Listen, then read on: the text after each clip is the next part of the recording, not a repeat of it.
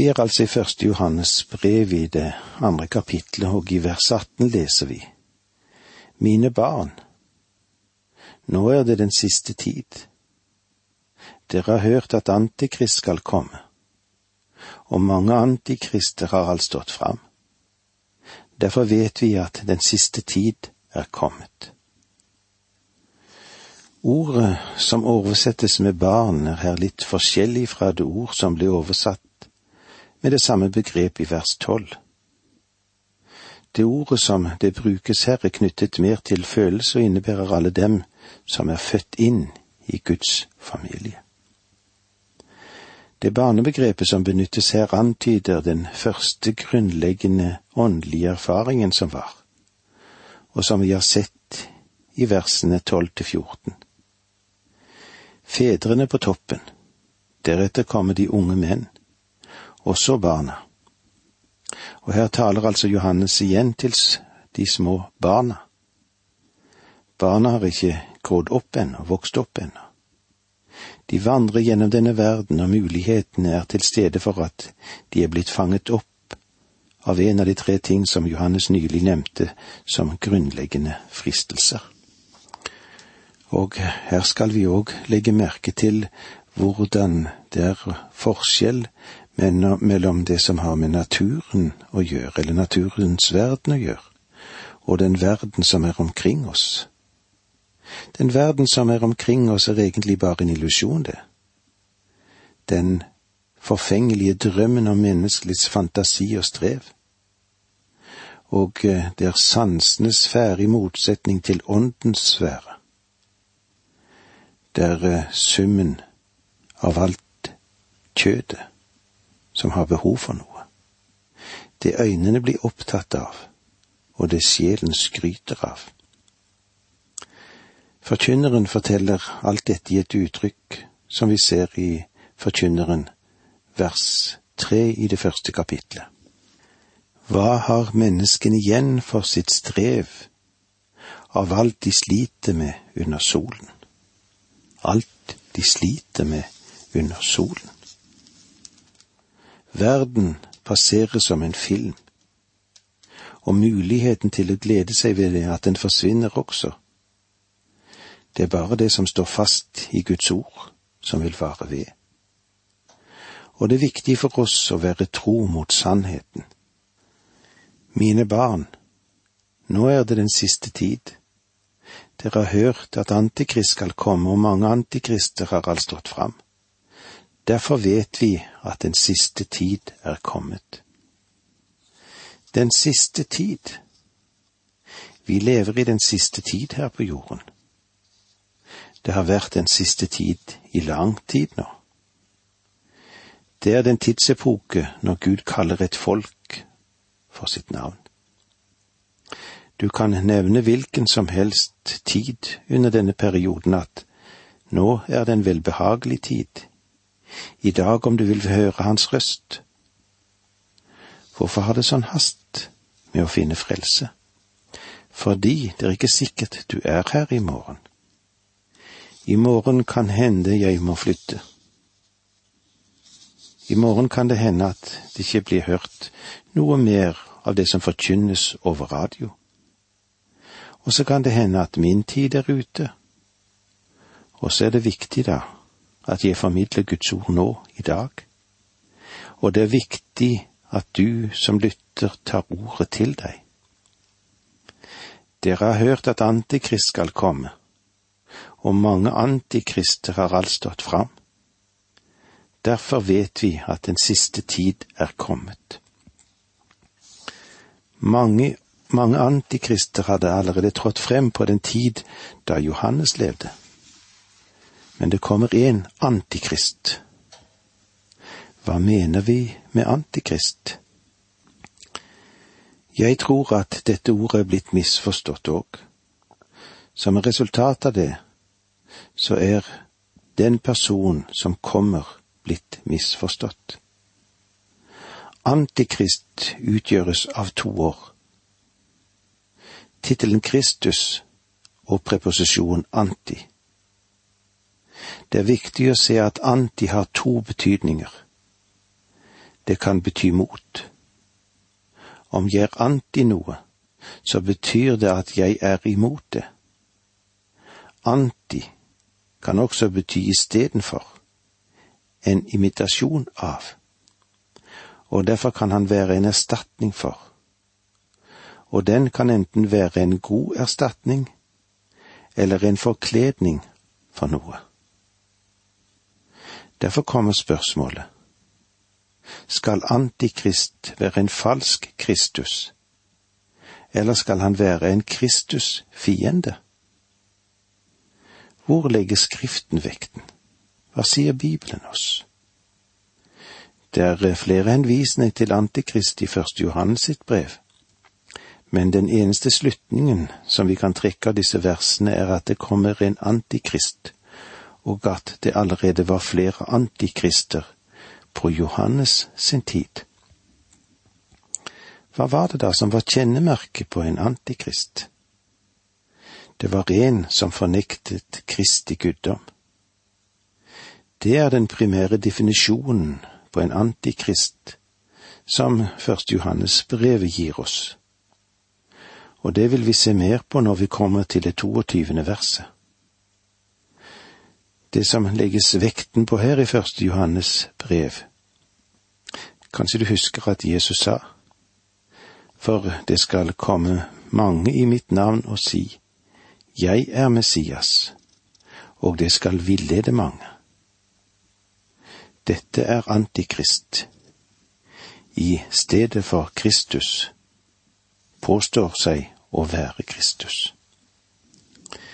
Jeg tror at det kommer til å være to personer når vi kommer til tidenes slutt som vil fullbyrde begge disse typer som vi nå har nevnt. Det å både være mot Kristus og det å påstå seg å være Kristus. Bibelen forteller det i Åpenbaringen 13. Der vil vi bli presentert for et villdyr som kommer opp av havet, og det er Satan som kaller dette dyret frem.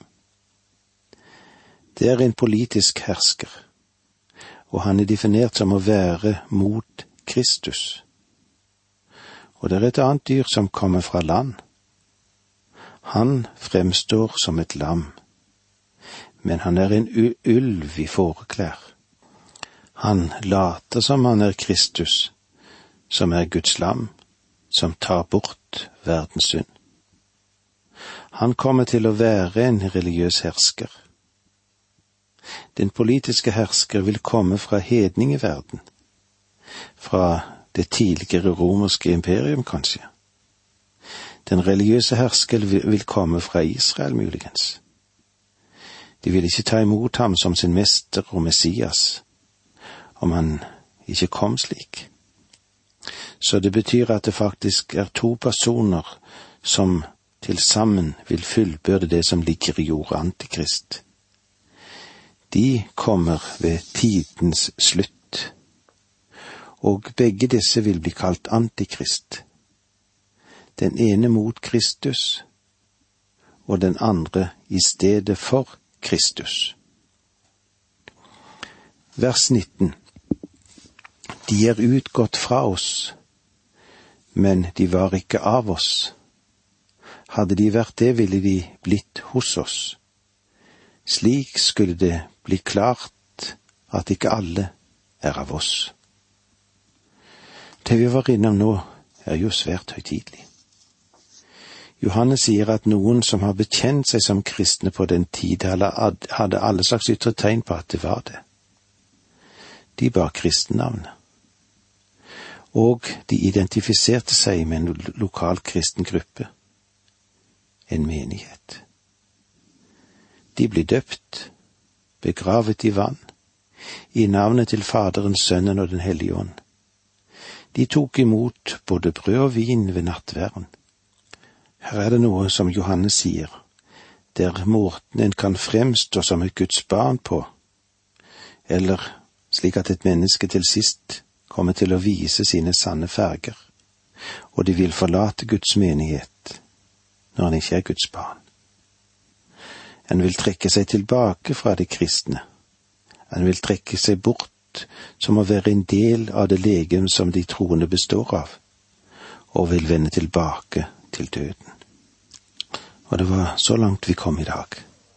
Takk for nå, må Gud være med deg. Dette undervisningsprogrammet består av to deler. Åge Nevland fortsetter nå med andre del av dagens undervisning. Vi er i apostelen Johannes sitt første brev, og eh, vi er i det andre kapitlet. Og vi er i det 18. og 19. verset.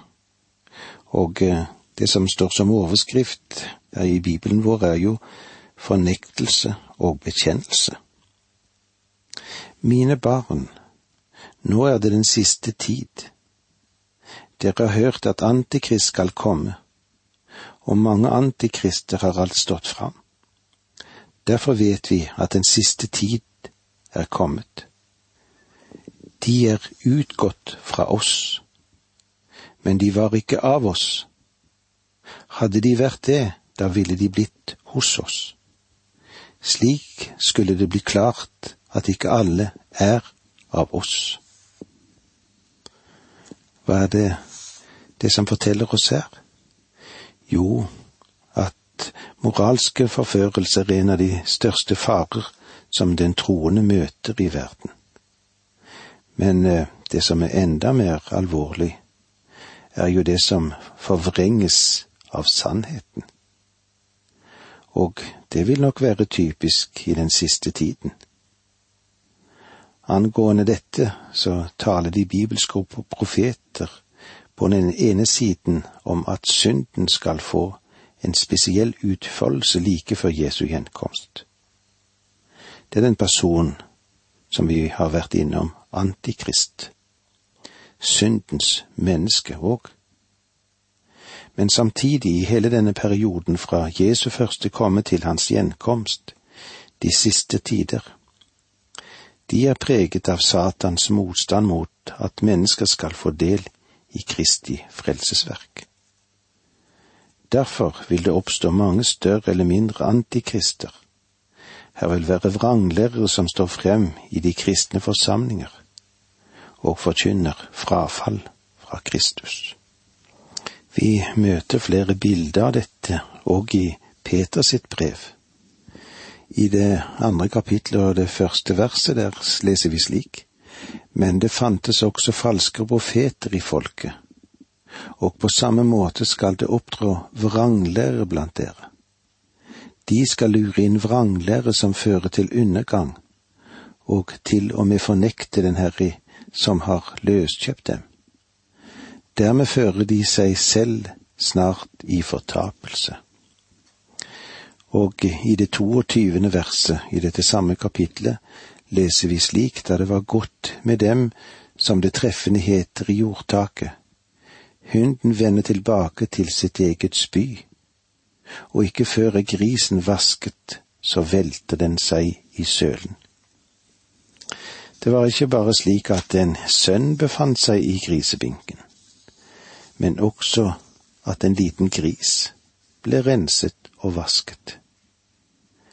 En liten gris vendte om til sin fars hus, ble svært så religiøs, ble vasket og renset, og den fikk en lysere sløyfe rundt halsen, og tennene ble pusset i pepsodent. Men grisen fant ut at han ikke trivdes i farshuset. Det passet ikke med dens natur. Så en dag så sa den, Nå vil jeg stå opp og dra tilbake dit jeg kom fra. Og med det samme den kom tilbake til grisebingen, hoppet den begeistret rundt omkring og gryntet og rotet seg ned i den verste sølen. Hvorfor? Fordi det var i pakt med dens natur. De er utgått fra oss men de var ikke av oss. Dette er noen tøffe ord. Det er et skarpt utsagn, men det er dessverre sant. Jeg skulle ønske at jeg kunne erklære dette utsagnet som historisk utsagn, som ikke hadde noe med oss å gjøre. Men det kan jeg ikke. Du husker sikkert hva Jesus sa om Judas, som det står i Lukas 22, 21. Men se, han som forråder meg, har hånden på bordet sammen med meg.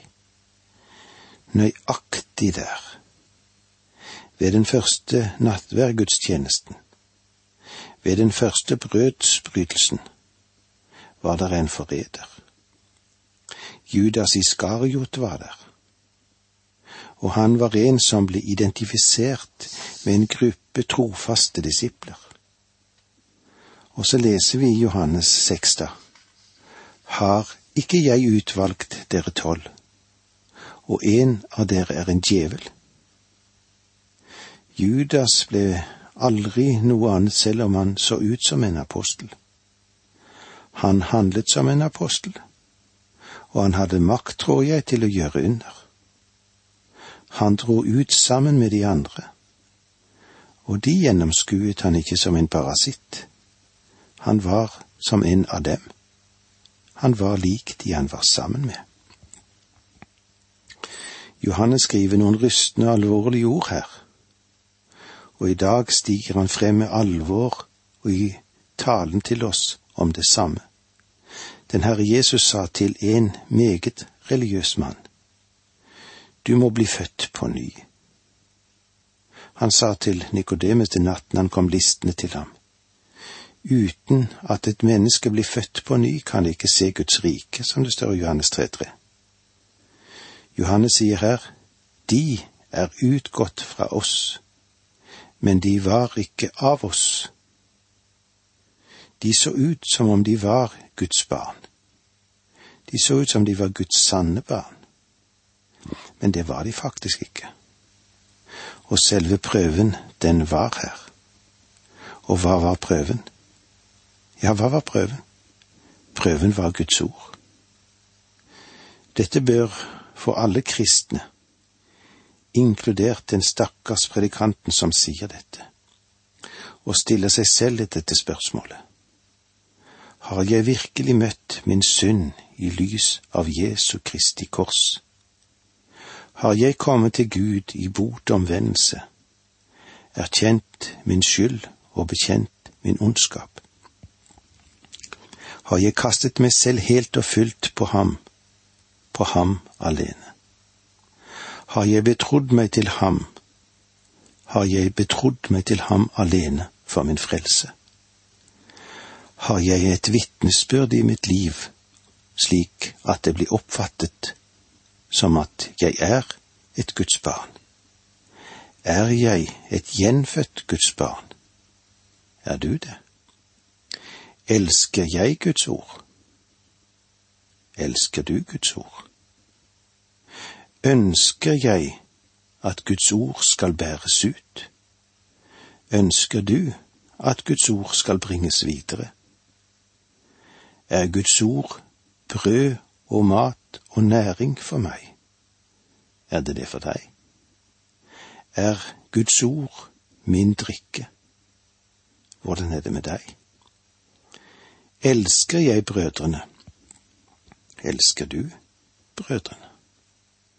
og elsker jeg den Herre Jesus Kristus? Og hvordan er det med deg, elsker du den Herre Jesus Kristus? Dette er ting vi trenger å reflektere over, og Guds ord appellerer til oss om dette i denne forbindelsen.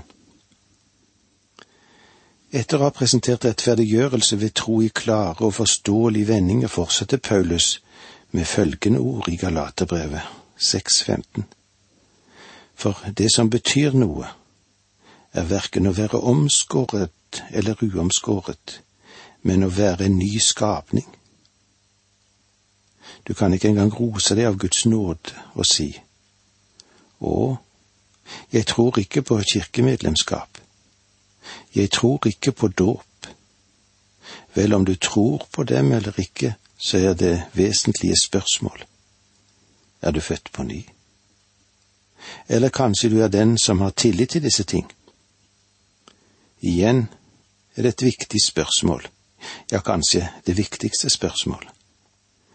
Er du en ny skapning i Kristus Jesus? Paulus talte til korinterne, og noen av dem hadde årsak til å tro at de kanskje ikke var Guds barn. Og så står det da slik i andre Korinterbrev 13,5.: Ransak dere selv om dere er i troen. Prøv dere selv. Eller merker dere ikke at Jesus Kristus er i dere? Det måtte da være at dere ikke består prøven. Det er svært viktig at du virkelig vet at du er et Guds barn. Paulus skrev også tidligere til de troende i Korint. Vær våkne, stå fast i troen, vær tapre og sterke. Hvordan går det nå med deg og det kristne livet ditt? Er du virkelig et Guds barn i dag? Bekrefter livet ditt at du er et Guds barn? Nå taler jeg ikke om du har begått en synd eller ikke, men hva gjorde du etter at du begikk denne synd? Fortsatte du å leve i den? Den fortapte sønn, han forvillet seg inn i grisebingen, men han kunne ikke fortsette å være der. Det var ikke hans permanente adresse. Der befant han seg en kort tid, men så reiste han seg, og så gikk han hjem igjen. Et Guds barn vil etter at det har syndet gå til Gud, kanskje ofte under tårer og rope og bekjenne sin synd til ham. Om vi aldri finner tid til å vende oss til Gud for å pleie fellesskap med ham og be ham tilgi oss for Jesus skyld, ta bort synd som kan skille mellom dere, så vi kan stille spørsmålet har vi barnets natur? Og med disse ordene må vi si takk for nå, må Gud være med deg.